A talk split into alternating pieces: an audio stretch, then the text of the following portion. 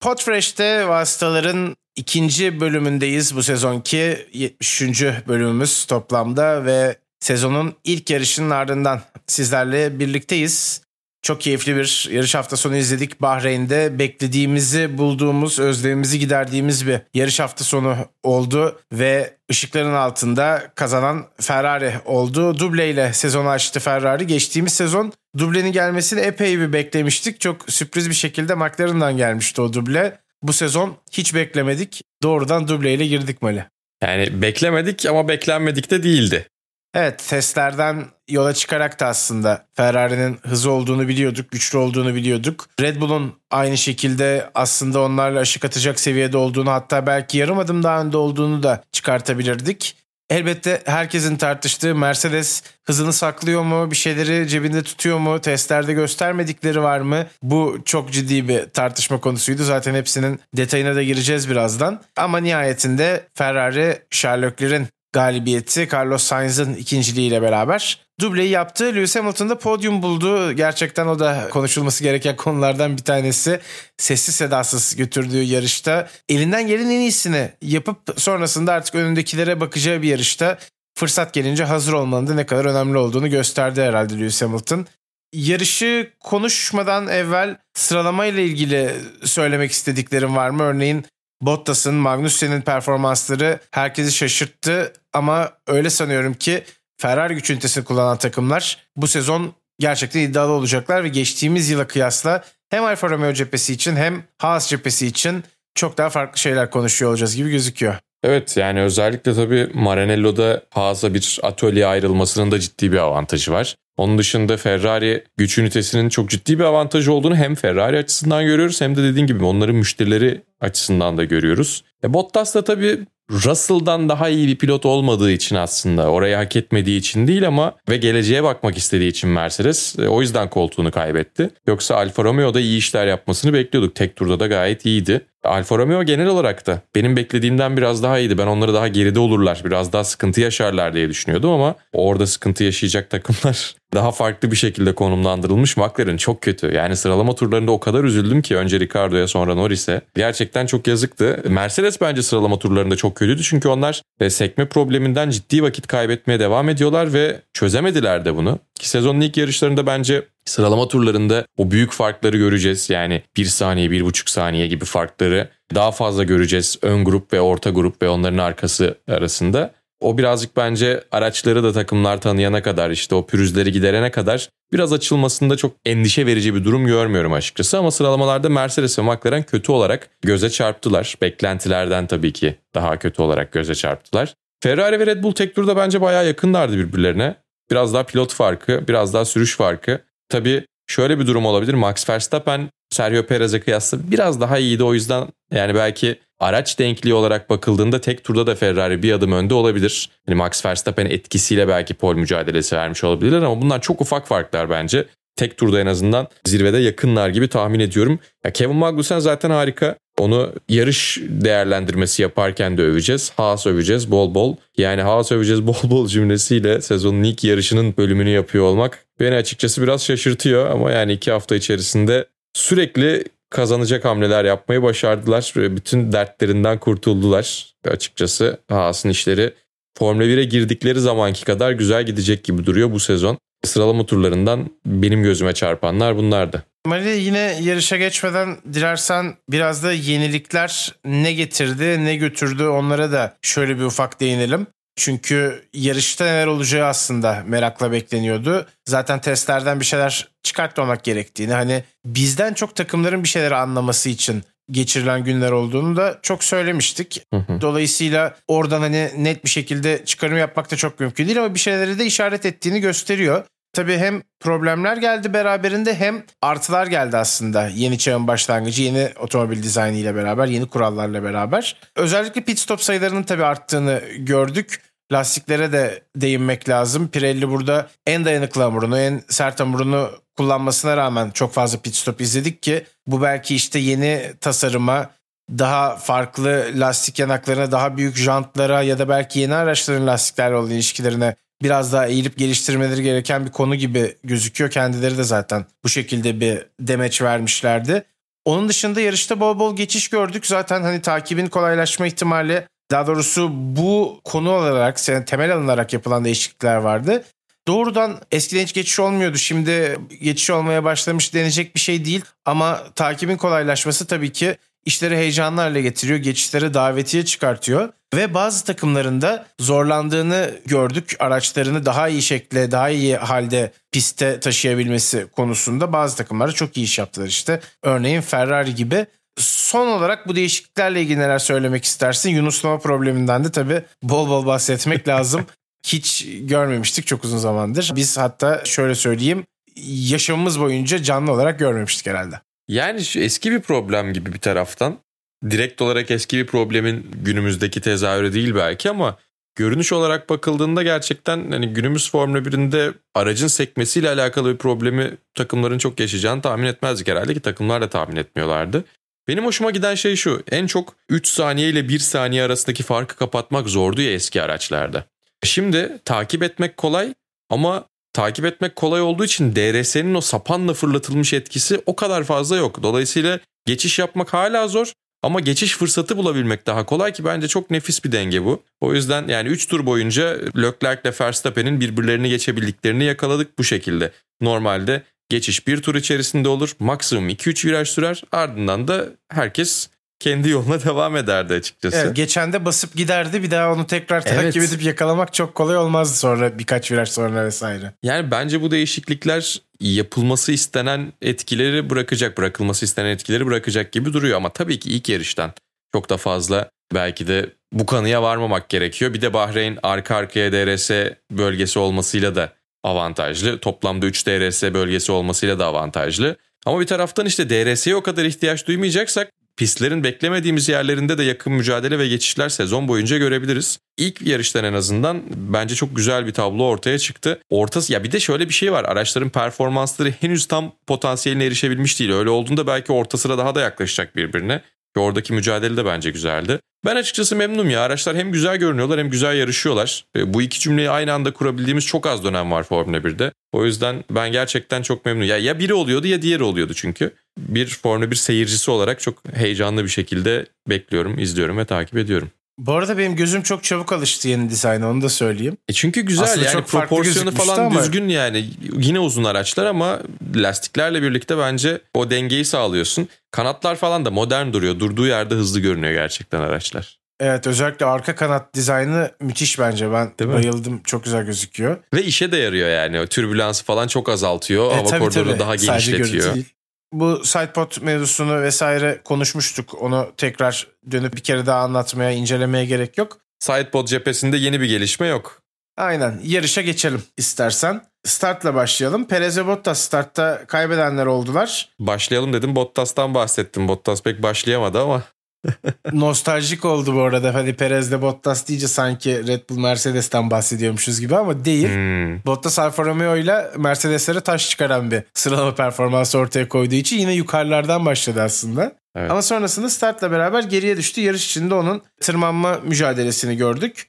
Yine o baştaki hengamenin içinde Esteban Ocon'la Mick Schumacher bir temas yaşadılar. Orada bir spin geldi Mick Schumacher'dan ki Çok belki daha iyi bir start almasını sağlayabilirdi. Evet bu bana şeyi hatırlattı. Brezilya'da Verstappen'in topladığı spin hatırlattı ama tabii onun kadar gösterişli hmm, değil. He. Ya bir de şöyle bir durum var şimdi şey yaparlar ya böyle bileklere ağırlık bağlarlar ondan sonra öyle antrenman yaparlar koşarlar zıplar falan onları çıkarınca çok daha rahat hareket edersin ya. Geçen sene bir otomobilin ne kadar fazla arkasının önünün kopabileceğini dengesinin bozulabileceğini 2021 Haas'la görmüş oldum ki o yüzden bu tarz şeyler araç kontrolüne gerçekten birkaç hane eklemiş olabilir orada. Yani şeyde karakter ekranında bir 4-5 artı basmış olabilir araç kontrolüne. Evet. Yani çünkü geçtiğimiz yıl çok eziyetliydi tabii ama öğretici olmuş bence. Çok doğru söylüyorsun. Hatta Mazepin spinlerle başlayınca onun bir spin sayısını sayan internet sitesi kurulmasına kadar giden yolculuğu olmuştu ama Mick Schumacher daha spin atmadı. Daha doğrusu tabii, kontrolü tabii. az kaybetmedi öyle söyleyelim. Araçla da alakalı bir durumdu belli ki. Haas Bu arada araçla zaten... alakalı demişken e, Bottas'ın kötü startı da debriyaj sorunundanmış. E, Bottas'ı direkt olarak bu işin içerisinde suçlu olarak da göstermemek gerekiyor. Guan Yu da benzer bir problem yaşamış. Araç problemleri biraz daha pilotları kötü gösterebiliyor. Yani aslında Bottas'ın e, suçu değilmiş. Ha, zaten onu şöyle bir toparlamak da lazım belki. Testlerde de Alfa Romeo zaten en çok aracıyla problem yaşayan sanki mekanik arızaya en yakın takım gibi Evet ufak tefek çok problem yaşadılar değil mi? Yaşadılar. Hatta Bottas'ın da endişesi yarışı bitirip bitiremeyecekleri konusundaydı. Böyle bir demeci de vardı. Yarışta pek öyle olmadı. Yani evet ufak tefek sıkıntılar oldu belki ama sonuçta onları hedefe götüren performansı çıkarttılar araçtan. Hatta bence fazlasıyla bile çıkarttılar diyebiliriz. Bottas'ın altıncılığı işte Guanyu 10'unculuğu iki sürücüyle beraber puana gitti Alfa Romeo. Çok iyi bir başlangıç. Yani bundan daha iyisi de zaten çok kolay olmazdı diye düşünüyorum. Dolayısıyla endişelerini bir nebze olsun gidermiş olabilirler. Haas'tan bahsediyorduk. Onlar da bütün yatırımlarını tabii bu sene için saklıyorlardı. Geçen yıl biraz daha sadece gridde vakit geçirdiler. İşte iki çaylak sürücünün tecrübe kazanmasına odaklanmışlardı. Ama bu sezon iddialı olmak istiyorlar. Ferrari güç ünitesi zaten güçlü gözüküyor. Bu noktada Haas'ın daha fazla da yukarılarda olmasını bekleyebiliriz ve sen de az önce bahsettin zaten. Kevin Magnussen takıma müthiş bir ekleme. Çok büyük bir ileri adım. Evet yani Haas bu sene keyif vermeye başlayacak gibi görünüyor. Şimdiden başladı hatta. Yani geçtiğimiz yıllarda bunu çok fazla söyleyemiyorduk. Çok iyi girdikten sonra tabii bir de öyle bir dert var. Yani Formula 1'e girdikleri yıldan itibaren hemen orta sıraya entegre olmuşlardı. O yüzden bu düşüşler daha da rahatsız ediyordur takımı. Ama şu anda istedikleri yerde en azından ilk yarı sonunda varlar. Hep burada kalırlar mı? Zor tabii ki. Kolay değil bu seviyeleri sürekli yakalayabilmek ama yani sezonun üçte birinde bunu yakalayıp diğer üçte ikisinde biraz daha geride olsalar bile muazzam bir sezon geçirirler. Orta sıra mücadelesinin içinde olmak bile bence Haas için güzel olacaktır ki zaten bu kural değişikliklerinden en çok beklediğimiz şeylerden biri arkada kimsenin olmayıp orta sıranın biraz daha kalabalıklaşmasıydı. Arkalarda da olanlar var tabii ki ama istiyorsan biraz önden mi devam edelim? Biraz Ferrari konuşalım. Evet konuşalım. Duble yani alabilecekleri her şeyi aldıkları bir yarış. Zaten Sherlockler günün sonunda günün sürücüsü de seçildi ve Carlos Sainz'ın da takipte çok iyi iş çıkarttığını söylemek lazım. Evet yarışta bir ara fark açıldı. Verstappen'le Sainz'ın arası açıldı ama Sainz de Perez'e göre mesela fark yaratmıştı hani öyle değerlendirmek gerekirse. Onun dışında güvenlik aracı bölümünün ardından ki Pierre Gasly'nin yaşadığı bir problemle güvenlik aracı çıkmıştı. Zaten onu konuşuruz birazdan Red Bull'a değinirken. Müthiş bir takip yani kan kokusunu çok iyi aldı Carlos Sainz. Bir araç arızası oldu elbette Verstappen'de ama olmasa bile Verstappen'i geçebilecek bir performans aslında bence sergilemişti. Hı hı. Yarışı sonuna kadar zorlayabilirdi de Max Verstappen'i. Öyle ki Leclerc yarış tekrar başlattığında aslında mücadele Verstappen'le Leclerc arasında değil Sainz'la Verstappen arasında gerçekleşmiş oldu. Hem orada Leclerc'in Verstappen'i ters ayakta yakalayıp çok iyi uzaklaşması hem Sainz'in onu bekliyor olması yani sürücü performansı olarak da Ferrari sürücüleri bence müthiş iş, iş yaptılar. Zaten düellodaki Leclerc performansına diyecek bir şey yok. Biraz daha sen de bahsedersin diye tahmin ediyorum. Çok sabırlı, çok bilerek Verstappen'i son şampiyonu mağlup etmeyi başardı ki iki takımın pit savaşları da yarışın hikayelerinden bir tanesi oldu aslında. Evet yani herkesin lastikleriyle savaşı ayrı bir dert oldu. Ve yani tek pit stop denenir mi, iki pit stop mu olacak derken bir anda üç pit stopun normal haline geldiğini gördük ki sezon içerisinde bu lastik stratejilerin çeşitlenmesinden ben büyük keyif alacağım. Ama onun dışında dediğin gibi Sherlockler de Carlos Sainz de ama özellikle Sherlockler ne kadar iyi bir otomobilin kokpitinde olduğunu bilmenin verdiği böyle bir özgüvenle bir rahatlıkla yarışıyordu. O yüzden de Verstappen'in ekstra ataklarını çok kolay savuşturabildi. Bir taraftan tabii işte DRS ölçüm noktasında geride kalmaya özen gösterip dördüncü viraj öncesinde yerini tekrar geri aldı ki çok akıllı yarıştı. Sherlock'lerin bir başka seviyeye yükseldiğini bu sezon içerisinde görebiliriz. Belki daha önce zaten yükselmiştir ama yani lastik lastiğe mücadelenin çok önlerde yaşandığı bir dönem olmadı Ferrari'de. O yüzden belki biz hakkını verememişizdir ama Sherlock'ler şu an şampiyonluğa oynayacak bir pilot kıvamına zaten gelmiş. Carlos Sainz'in oralarda olup olmadığına kendisi çok ikna olmuş değil. Araçtaki performansından çok memnun değilim. Çünkü Cuma günü de Pazar günü de uzun stintlerde araç benim biraz zaaflarımı ortaya çıkardı dedi. Ama cumartesi günü tek turda da çok iyiydim dedi. O yüzden beğenmediği noktada bile ikincilik potansiyeli içerisinde olan bir yarış geçirmiş olması Ferrari adına da çok umut veriyor bence. Şüphesiz zaten Ferrari'nin aslında takım halindeki gelişmesini de belki biraz masaya yatırmak lazım. Çok uzun ve acılı bir yoldan geldiler buraya. Karanlık yollardan geçtiler, zehir gibi sular içtiler. evet tam öyle oldu. Yani şampiyonluk için mücadele veremedikleri sezonlar. Red Bull'u, Mercedes'i arkadan izlemek zorunda kaldıkları sezonlar. En büyük rakiplerin üçüncülük çekişmesinde McLaren olduğu sezonlar ki bunda utanılacak bir şey yok. McLaren Ferrari rekabeti zaten yıllara dayanan bir rekabet ama üçüncülük için olmasına tabii alışkın değiller. Yani alışmak da istemezler bir yandan takımın geleneği söz konusu olduğu zaman. Ama çok sabırlı bir planla, iyi bir planla kendi içlerindeki çözüm şansına güvenerek adım adım bu noktaya geldi Ferrari. Geçtiğimiz yıl yeterli kadar kaynağı ayırıp üçüncülüğü almayı başardılar. Onun dışındaki çalışmalarını bu sene yönlendirdiler ve bütün bu emeklerin ve planın aslında el plan diyoruz ya Alpin için. İl plan Ferrari içinde aldılar sonucunu şu da çok önemliydi bence. Red Bull'un bir numaralı rakip olabilecek gibi gözüken takımda olan Red Bull'un sıfır çektiği bir yarış hafta sonunda henüz sezonun başı olsa da duble ile başladılar ve çok çok öndeler artık şampiyonluk mücadelesi için. En azından sezon ilk yarısında kafası rahat olacaktır diye düşünüyorum Ferrari'nin. Biraz daha taviz verebilirler bir şeylerden. Ya tabii belli olmaz açıkçası ama çok iyi başladı. Ya daha iyi başlayamazlar dediğin gibi. Şampiyonadaki direkt rakipleri sıfır çekerken maksimum puan aldılar. Bir de Lökler'in en hızlı tur zamanı da var. 44 puan aldılar yani hani. Tam anlamıyla maksimum puan aldılar.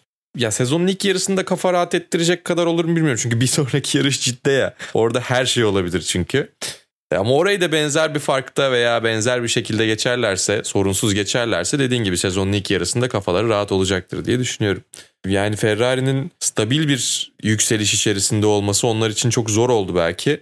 Ama uzun yıllardır sürekli yap boz yap boz yap boz şeklinde gittikleri yönetim ve işte pilot kadrosu ve benzeri yaklaşımları bir kenara atıp biraz daha üzerine koyarak ilerlemeyi tercih ettiler bu kez. Gerçekten yapılandılar yani üstüne kat kat çıktılar. Ve bu sefer de karşılığını görüyorlar. Ve tabii ki yani Ferrari'nin önde olması, Ferrari'nin şampiyonluk mücadelesi veriyor olması sadece Türkiye'de değil bütün dünyada Formula 1'in kazancına. Buna yol açabilmek için özellikle bir çaba sarf etmeye gerek yok tabii ki. Öyle bir ayrıcalık yok. Ama ne olursa olsun Ferrari'nin de Formula 1'in en değerli takımı olduğunu o anlamda söylemek lazım. Bu değerli takım şampiyonluk mücadelesi veren takımlar içerisinde olduğunda da bence ortaya spor adına güzel bir tablo çıkıyor. Bunu da sürdürebilir gibi duruyorlar bir de yani en, en bence dikkat çeken noktası o. Yani bu hafta sonu denk geldi ya da hazır fırsat bu fırsat Ferrari bütün puanları alabilsin gibi değil de sezona başladıkları gibi bitirebilirler. Böyle gidebilir bütün sezon. Böyle görünüyor açıkçası. E o da bence Ferrari adına umut verici olsa gerek. Evet yani yer yer acımasızca ve bence o dönem için haklı olarak eleştirdiğimiz Mattia Binotto'yu da tebrik etmek lazım. Takımı gerçekten bir araya getirdi. Yani iyi yapıyorsa iyi kötü yapıyorsa kötüyü söylüyoruz. Yoksa kimseye hani kafayı takmış hoca gibi sürekli niye öyle yaptı niye böyle yaptı diyecekti bir halimiz yok. Bizi de belki biraz utandırdı hatta sonuç olarak takımın bu noktaya gelmesinde en büyük pay sahiplerinden de bir tanesi olduğunu düşünüyorum açıkçası. Zaten sen de söylüyorsun. Gerçekten bakışı bile değişti. Bir özgüven geldi. Dik oturuyor öyle ya. söyleyelim. Dik oturuyor.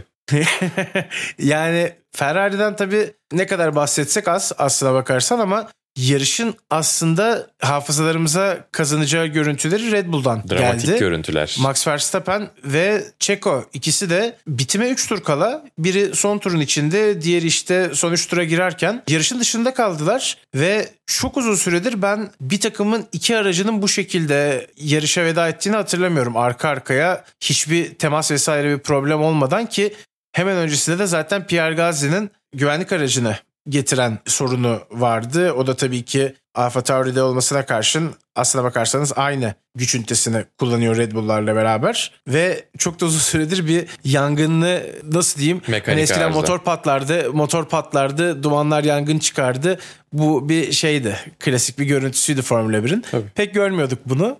Motor bitirmek diye bir şey var değil mi oldu. böyle tamamen engine failure olarak. evet. Ama bir taraftan tabii şey Pierre Gasly etrafsal farkındalık sahibi bir pilot olduğunu da gösterdi. Burada araba yandığında nereye götürmek lazım dedi. Gitti Grosjean'ın aracını yandığı yere çekti. Oradaki marshall'ların, oradaki pis görevlilerin iyi müdahale ettiğini bildiği için hemen şöyle bir dördüncü virajın oraya doğru çekti.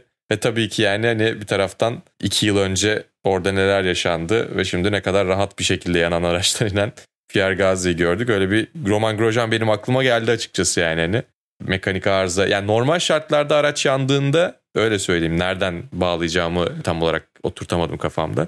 Yani normal şartlarda yanan bir araçtan inen pilot günümüzde o kadar dramatik bir görüntü değil. Pierre Gasly'ninki bizim günümüzün normali. Araç yandığında kenara çeker pilot. Aman çok fazla şey yapmayayım. Aracın içerisinde kalmadan acele acele ineyim ama çok da bir dert değil diye düşünür. Grosjean'ınki çok acayipti. Yani hala arada bir aklıma geliyor böyle 1970'lerden 60'lardan falan görüntüler gibiydi. Aynı viraj olunca üst üste herkes de çağrışım yapmıştır diye tahmin ediyorum. Pierre Gasly'ninki MGUK arızasıymış. Yani eski kinetik enerji geri dönüşüm sistemi diye çeviriyorduk ta Kers zamanında. Yine kinetik enerjinin geri dönüştürüldüğü motor jeneratör ünitesi. Onda hata varmış, onda bir problem varmış. Red Bull'ların ikisi de yakıt pompası arızasından yarışa veda etmişler. Bunu nasıl düzeltecekler? Motorlar dondurulmuşken güvenlik açısından yapacakları değişiklikler onlara performans dezavantajı olarak döner mi? Biraz bence endişe verici diye tahmin ediyorum. Bu problemi çözebilirlerse bir dert. Çünkü herhalde bir performans karşılığı olacaktır, bedeli olacaktır bunun. Çözemezlerse zaten ayrı bir dert. Yarış bitiremezler. Evet çok endişe verici gerçekten Red Bull için ve yarış performansları dediğin gibi gayet iyi. Zaten şampiyonluktan başka herhangi bir hedef kabul edilebilir değil. Zaten Max Verstappen'in agresif tepkilerinden de anlıyoruz. Yani ilk yarışta işi çok sıkı tutmak niyetinde olduğu çok belli. Red Bull için aynı şey geçerli ki Mercedes'le bir devle boğuştular ve o kadar mücadeleye rağmen halen takımlar şampiyonasında geçtiğimiz yılda Mercedes'i yenemediler. Yani aslında ne kadar kusursuz, ne kadar hatası yakın olmak gerektiğini en yakından bilen takımlardan bir tanesi. Zaten aldıkları şampiyonlukları da hani göz önünde bulundurmak lazım. Kazanma geleneği olan bir takım Red Bull ne olursa olsun. Dolayısıyla sezonun bu bölümünde dahi olsa bu tarz problemlerden ne kadar uzak durmak gerektiğinin öneminin çok farkında olsalar gerek. Senin dediğin gibi buna bir çözüm üretmeleri lazım. Yani böyle 2-3 yarışta bir yarışı bitiremeyecek gibi bir durum olursa e zaten bu felaket senaryosu. Yani orta sırada ileri gitmeniz imkansız. Şanslıysanız orta sıranın üstüne oynayabilirsiniz bu şartlarda herhalde. Yani evet çünkü hızlı ama dayanıksız otomobilleri çok uzun zamandır görmüyorduk. Yeni dönemle birlikte biraz işte nostaljik dertlerden bahsediyoruz ya. E, Red Bull'unki de öyle bir durum ama işte dediğim gibi motorların donduruluyor olması, çok fazla değişiklik olmayacak olması ve bir taraftan Honda'dan bir güç ünitesi operasyonu devralmış olmaları ve aslında yani problemi tam olarak kendileri çözebilecek yapıya sahipler mi? Herhalde sahiplerdi çünkü gerekli mühendisleri ve işte çalışanları da aldılar aslında. Ama yani Honda ile üretici olarak çalışıyor olsalar sanki bunun çözümünün daha net kafalarında canlanacağını tahmin ediyorum. Bir taraftan yeni öğrenmeye çalıştıkları bir durumun içerisinde böyle kritik bir problemle karşılaşmaları biraz endişe verici. Umarız tabii ki bir yarış sonra biz bunu çözdük ve aslında o kadar dert edilecek bir şey değilmiş derler. Çünkü şampiyonluk mücadelesinin de devamı için Red Bull'un performansı şart. Honda'dan Gazi aramışlar mıdır? Motoru donduracaktın, yakmayacaktın. Ay. Hiperoptik basküler dondurucu ile donduruluyor bu arada motorlar. Efendim? Mercedes'e devam edelim. Cıvıtmadan. Mercedes'in de aslına bakarsan umutsuz diyebileceğimiz tırnak içinde bir sezon başlangıcı olmasını bekliyorduk, yapmasını bekliyorduk. Onlar aslında kendileri böyle bekliyorlardı bir yandan. Hiç çalışmadım ya diye geldiler. Evet işte. evet şey vardı ya herkesin yok ya diğerleri daha iyi biz en hızlı değiliz dediği kısım. Mercedes doğruyu söyleyen tarafmış. Evet, yani birilerinin çünkü doğruyu söylediği bariz hani sonuçta herkes en hızlı olamaz. Doğruyu söyleyen Mercedes'miş garip bir şekilde. Niye garip bir şekilde diyorum? Çünkü genelde doğruyu söyleyen tarafta olmuyorlar bu konu söz konusu olduğu zaman. Onlar genelde gerçekten hız saklamayı biliyorlar. Sezon başladığında işte ne bileyim bir anda zaten performansları ortaya çıkabiliyor.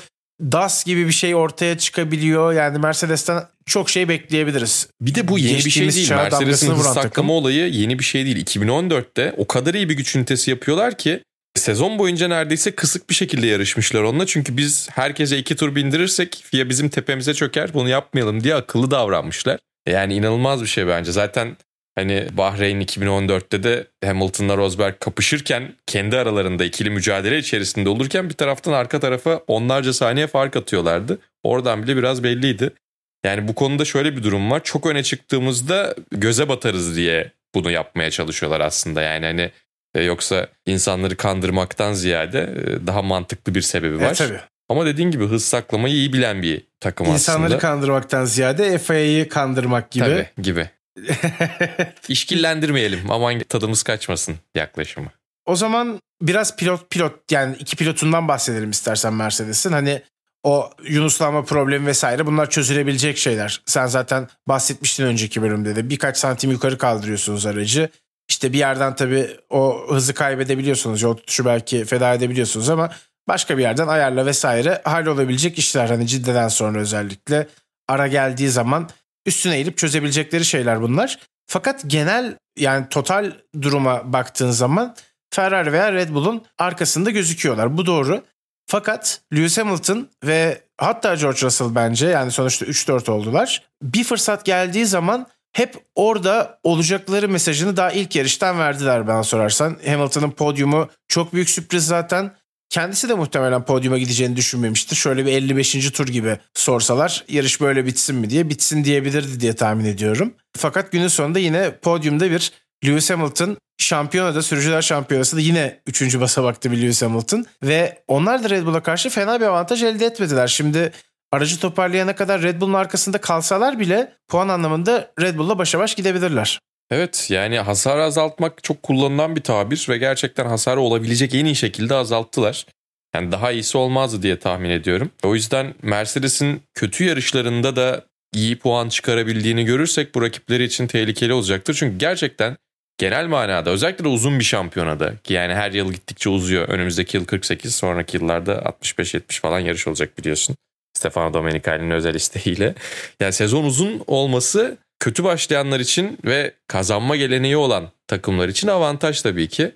Mercedes'in kötü diyebileceğimiz bir hafta sonunda ki bence korkunç bir otomobil performansı var. Yani dışarıdan dahi belli oluyor. Pilotlar kim bilir ne düşünüyordur.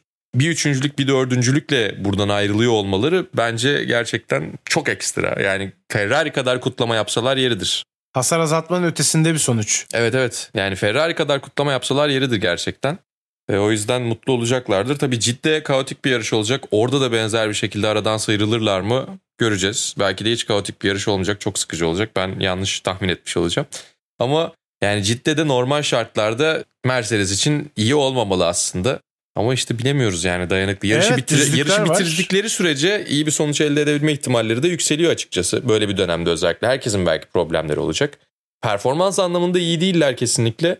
Ama dayanıklı görünüyorlar ve dayanıklılık performans kadar önemli olabilir sezonun ilk bölümünde. Evet öyle gözüküyor. Yeni jenerasyon araçların her şeyini anlayana kadar, detayına kadar, öğrenene kadar takımlar dayanıklılık faktörü de çok kritik olacak gibi duruyor senin de dediğin gibi. İşte Red Bull'un orada bir sıkıntısı var gibi bir işaret. Çok kuvvetli bir işaret. Yani sadece Verstappen yaşasaydı o kadar kuvvetli bir işaret gibi görmeyebilirdik ama iki araçta birden problem olması bence çok net bir şekilde ortaya koyuyor tam olarak bir şeyleri doğru yapamadıklarını sen de zaten söyledin. Yarış bile bitiremeyebilirler bu şekilde devam ederse diye. Cidde tabii güç ünitesi kuvvetli olan daha doğrusu motor gücü diyelim ona. Düzlük hızı yüksek olan araçlar için uygun olabilir. Bu anlamda Mercedes'in de eli çok güçlü olmayabilir orada. En azından şu ana kadar gösterdikleriyle ama yine rakiplerin hata yapmasına bakacak gibi gözüküyorlar diyelim. Hemen bir Magnussen podyum diyelim. olabilir yani ama Red Bull bu defa bence yarış dışı kalacak kadar bir sorun yaşa- yaşamayacaktır diye düşünüyorum. Yani çok ekstra olur iki yarış Ha, üst öyle bir üste diyeyim de tut, tutarsa şey olur işte en azından. Yoksa yani Peki. ama e, Haas'ın bence avantajı olacak hatta oraya da geçelim yavaş yavaş. Geçelim diğer takımlar diye bahsedelim. Hani şampiyonluk iddiasının dışındaki takımlar olarak bahsedelim geri kalanlardan. Alpine Aston Martin Williams onları bir üçlü olarak konuşabiliriz istersen biraz çabuk bir şekilde. Çünkü Hı hı. çok fazla bir şey ortaya koymadılar aslına bakarsan. Alpine fena değil gibi duruyor açıkçası. Aston Martin ile Williams fena. Yani onlar çok iyi durmuyorlar ve yani Williams'ın aslında felsefe olarak da güzel göründüğünü yani şey tabii ki felsefe olarak güzel göründüğü değil de felsefe olarak derli toplu ve sanki ortalara doğru gelebilirler gibi görünüyordu ama işte bakarak anlaşılmadığının çok net bir göstergesi bu.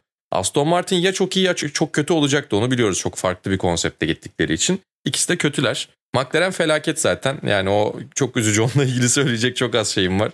McLaren'ın acil toparlanması gerekiyor. Dediğim gibi Alpine fena değil gibi fena sonuçlarda almadılar. Onlar orta sırada. Ya geçtiğimiz yıl bıraktıkları yere yakınlar gibi. Belki bir adım öndelerdir. Bıraktıkları yer bence de yakınlar. Hatta bence şöyle bir avantajları da var. Oradaki rekabet biraz düştü. Yani Ferrari McLaren çekişmesi ne olursa olsun bence çıtayı yukarı çekiyordu geri kalan takımlar için.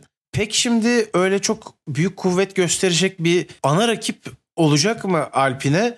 Onu da göreceğiz. Özellikle işte Aston Martin'in orada olmaması bence onları rahatlatabilir. Yine Haas'la ve Alfa Romeo ile herhalde yarışacaklar gibi bir izlenim bıraktı bende ilk yarış en azından. Evet bence de Aston Haas Martin tabii çıkacak ama mı onu da bilmiyoruz. İşte bakalım. Yani Haas daha önde göründü tabii ki. Yani Kevin Magnussen akıyor. Gerçekten çok iyi. Mick Schumer'de akma potansiyeli var ama starttaki o temasla birlikte birazcık araç tam istediğim gibi hissettirmedi Akmasa da damlıyor. Akmasa da damlıyor. 11. bitirdi bir de yani. Hani puandan bir adım gerideydi. O yüzden Haas şimdilik ciddi bir geri kalanların en iyisi olma adayı. Mercedes'ten bahsetmiyorum tabii ki o biraz arada bir yerde. Ama orta sıranın en iyisi olma adayı en azından. Geri kalanlar da onun etrafında şekillenecek gibi duruyor. Ya bence orta sıra mücadelesi keyif verecek. Ben Alfa Romeo'nun da şansını pek az görmüyorum Evet Alfa açıkçası. Romeo da bence Haas'a ilk katılacak takımda Alfa Romeo gibi hatta. Yani Ferrari güç ünitesi kullanan takımlar Aynen öyle. demek lazım. Ferrari grubu diyebiliriz onlara. Formula Ferrari. McLaren fena durumda. Yani nasıl olacak bilmiyorum. Gelen açıklamalar da karamsar. Çok kötü. Pistteki görüntü de karamsar. Hiç aydınlık bir ışık veren bir noktası yok. Şu ana kadar gösterdiklerinin nasıl olacak bilmiyorum gerçekten. Çok devasa adımlara ihtiyaçları var. Öyle görünüyor. Açıkçası yani McLaren'la ilgili söyleyebilecek çok bir şey yok. Çok kötüler. Düzelmelerini umacağız ve bekleyeceğiz. McLaren'ı burada görmek herkese acı veriyordur diye düşünüyorum.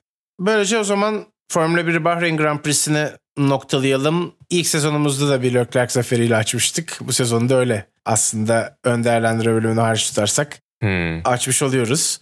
Formula 2 ile devam edelim. Bu sene vasıtaların gündeminde Formula 2 kendisine ağırlıklı olarak yer bulacak elbette. Sevgili Cem Bölükbaşı'nın yarıştığı bir seri olarak irdeleyeceğiz, ele alacağız bol bol Formula 2'yi. Çok heyecanlıydık, çok keyifliydik aynı zamanda.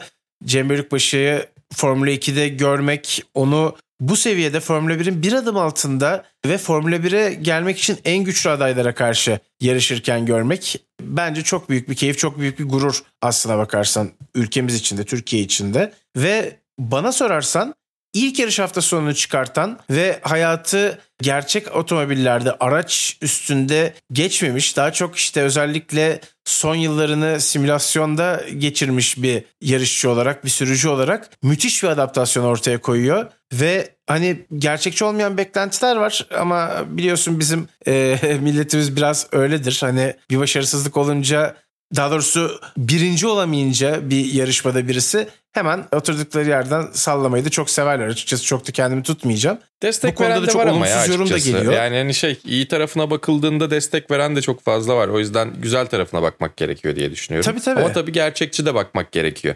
Yani şöyle bir güzellik var tabii ki. Oraya katılması bile tabii ki başarı Cem'in ama Cem'den beklentilerimizi katıldığı andan itibaren bırakmıyoruz. Onun yükselmesini istiyoruz. İlk hafta için ilk 15 güzel olur dedik. İki yarışı da 14. bitirdi. Önümüzdeki haftalarda biraz daha ilerlemesini bekleyeceğiz ondan. Çünkü yetenekli bir Ya pilotumuz var katılmakla elimizin kalmıyor altında. işte. Yani aslında zaten benim demek istediğim de o. Hani katılmak da başarı Evet o biraz gerçekten Ama teselli Cem gibi bundan olabiliyor. çok daha iyi bir pilot. O yüzden Cem'den sadece katılmasını beklemek ona da haksızlık.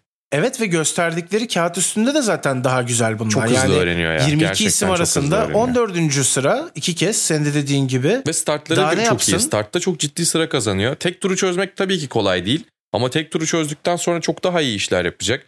Bir de yani çocukluğundan beri formüle araçları içerisinde yer alan 13-14 yaşından itibaren kartingi bırakıp formüleye yavaş yavaş geçen pilotların yanında çok az bir formüle tecrübesiyle ilk formüle şampiyonasını geçtiğimiz yıl F3 Asya şampiyonasıyla başlamış ve kocaman adımlar atarak fark kapatıyor ve bunu çok takdir ediyorum ve açıkçası yani sonunda nereye gider, nereye çıkabilir, neler yapabilirden bağımsız olarak bu öğrenme eğrisi bu kadar yetenek beni mutlu ediyor. Ve bizden biri olması çok güzel. Aynı zamanda bizden birinin, bir Türk sporcunun sanal dünyadan gerçeğe geçişin öncülerinden biri olması ki yani Formula 1'in de en çok destek verdiği nokta bu zaten. Bence o açıdan da Cem çok güzel yerlere gelebilecek bir yolu açıyor önünde. Bunların hepsi beni açıkçası umutlandırıyor. 20. sıra bence normaldi. İyi değildi, kötü de değildi sıralama turlarında. Ama yani zaten or- oradaki beklenti çok başka bir noktada. Çünkü tek tur dediğim gibi çok daha zor. Çok ciddi bir sıçrama yapıyorsunuz bir de. Yani F3'ten F2'ye geçtiğinizde bile o sıçrama çok kolay değilken yani FIA F3'ten bahsediyorum. Cem F3 Asya ardından Euro Formula Open yaptıktan sonra geldi. Çok ciddi bir sıçrama. Hem downforce olarak hem işte vücudu üzerindeki fiziksel etkiler olarak bakıldığında G kuvveti olarak hem aracın gücü olarak her şey çok farklı. Yarış Evet, hafta sonunda her şey çok farklı. Yani bir sürü daha önce görmediği şeyleri görüyor. Yarış içerisinde pit stoptur, şudur budur. Pit stratejisi yapmak zorunda kalıyor. Bunların hepsini çok hızlı öğrenerek ve üstüne bir de sonuçlar alarak tamamlıyor ki yani ikinci yarışta belki puan şansı bile olabilirdi. Son turda ve arkadan ufak bir temas olmasaydı. Yani ama bunu da ya işte o olmasa şöyle olurdu gibi değil. Nerelerin etrafında dolaştığını görmek için söylüyorum, gösterebilmek için söylüyorum. İlk ondan uzak değildi ki ilk ondan uzak değildi cümlesini kurabilmek ana yarışta özellikle bence çok iyi. Yani bir pit stop stratejisi yaptılar. Güvenlik aracı girebilecek diye düşünüp ve hakikaten onu da tutturdular. Ben çok memnunum Cem'den. Açıkçası sezon içerisinde de böyle artarak devam edecek bir başarı eğrisi göreceğiz diye düşünüyorum. En azından öğrendiğini bize gösterecektir kesinlikle. Bence gerçekten çok güzel performans. Ben tebrik etmek istiyorum. Formula 2'nin en güçlü takımında olmadığını da söyleyebiliriz. Bence bunda da bir yanlışlık yok. Dolayısıyla adım adım ilerleyeceğini ben de senin gibi düşünüyorum ki yani lastik idaresi vesaire onları bile başlı başına öğrenmek bir dünya diye düşünmek lazım bana sorarsan. En iyi sürücüler bile, en tecrübeliler bile yapamayabiliyorlar ki Formula 2'nin bir de hani bir anda kaosa hengameye çok açık bir ortam haline gelme durumları da var. Dolayısıyla hep oralarda olduğunuz zaman işte az önce Mercedes'ten bahsettik ya. Evet. Hep oralarda olduğunuz zaman fırsatı bekleyebildiğiniz zaman o fırsat mutlaka geliyor zaten. Yani onu alabilecek konumda kalmak çok önemli. Ve ben bu konuda çok iyi bir iş çıkartacağını düşünüyorum. Zaten istikrar olarak gayet iyi gözüken performanslar. Öğrenmediği daha henüz tam kavramadığı yerleri de kavradığında ve öğrendiğinde ki bu öğrenme süreci hızlı işliyor Cem Bölükbaşı'da. Hep böyle oldu. Çok çok daha iyi olacaktır. Tebrik edelim kendisini de ve istersen bir parantezde burada Moto 3'te 5. sırayı alan Deniz Öncü'ye açalım. Biraz da MotoGP'den bahsedelim. Mandalika'da bu sezonda yarış olur mu diye soracağım ama yani orada hava ne zaman Hep kötü. yarışa uygun oluyor, ne zaman yağmur yağmıyor daha doğrusu. Onu da kestirmek çok kolay değil. Bu hava mevzusundan bir de Sebring'e bağlayacağım son olarak. Öyle de kapatırız. MotoGP hafta sonunda tabii keyifliydi. Miguel Oliveira'nın kazandığı yarış hafta sonunda enteresan görüntüler vardı. Büyü yapılmaya çalışıldı anladığımız Ya bir kadarıyla. de ya piste, da piste yıldırım Bilmiyorum. düştü. Öncesinde Mark Marquez düştü. Hani sırayı sırayla gidelim. Sonra piste yıldırım düştü. Bekleniyor işte. Yani antrenmanlarda son antrenmanlarda ısınmada Mark Marquez düştüğü için yarışmasına izin verilmedi. Hava şartlarından dolayı piste yıldırım düştüğünü gördük. Çok ciddi bir yağmur var bekleniyor falan. Neyse bundan 10 dakika sonra elinde metal kaseli bir abla çıktı. Bir hanımefendi. Ve e, anti yağmur duası olarak adlandırdığım öyle olduğunu zannettiğim bir şeyle pistte gezmeye başladı. Yani canlı yayınlar esnasında kendisine yıldırım düşmesine gerçekten ramak kaldığını düşündüm. Ama bir 8-10 dakika gezdi. Herhangi bir sıkıntı olmadı. Dediler ki bu böyle olmadı bir başka paratoner lazım bize. Bu sefer Endonezya Milli Marşı'nı icra etmek üzere kocaman böyle metal işte tubalarla şeylerle falan bandoyu çıkarttılar piste. Onlara da yıldırım çarpmadı.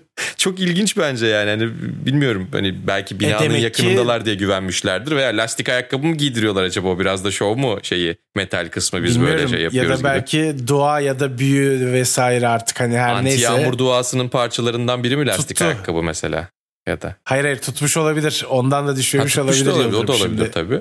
Ama yani yağmur duası yapanlar da vardı grid içerisinde. Jack Miller onlardan biriydi. Startta Miguel Oliveira ile kapıştılar. Sonra geriye düştü ama bir ara liderlik etmişti. Miguel Oliveira da lider başladı. Jack Miller'a liderliğini kaybetti. Sonra geri aldıktan sonra bir daha pek arkasına bakmadı. Fabio Quartararo ve Joan Zarco onlar iyi bir yarış çıkardılar. Herkes çok zorlandı ama yani gördük. Moto3'te de Deniz Öncü ile ilgili şöyle bir şey söylemek lazım. Çok istikrarlı başladı. Bir dördüncülük, bir beşincilik beni açıkçası heyecanlandırıyor. Tabii ki podyumlara yakın olması, podyum olsa daha iyi olurdu dedirtiyor ama sezon boyunca böyle gidecekse Deniz direkt şampiyonluk adayı olacak ve bunu söyleyebilmek benim çok hoşuma gidiyor. Çok güzel gerçekten. Yine e, esas biz akıyoruz. Yani Türk motorsporları camiası olarak çok başarılı işler devam ediyor yarışçılarımızdan. Süper ya her şey çok güzel gidiyor. Ben yine çok mutluyum seninle burada ve hastaların dördüncü sezonunda da birlikte olabildiğimiz için. Ben de. Bir yağmurda Sebring'i vurdu demiştik. Dünya Dayanıklılık Şampiyonası'nın açılış yarışında, sezonun ilk yarışında. Toyota'yı da Pechito Lopez vurdu ondan önce. Evet önce orada da Pechito Lopez bariyere vurdu sonra Sebring'i fırtına vurdu. orada da yine benzeri bir manzara. Onlar pek dua etmediler. Daha çok çadırları biraları toplayıp kaçtılar. Daha Eduardo Freitas bir de yani anlayış. sezon içerisinde Formula 1'de de yarış direktörü olarak göreceğimiz usta isim. yarışı bu şartlarda devam ettirmiyorum diyerek noktaladı. Geçen sene Spa'da olsaydı acaba insanlar daha az eziyet çeker miydi diye insan düşünüyor.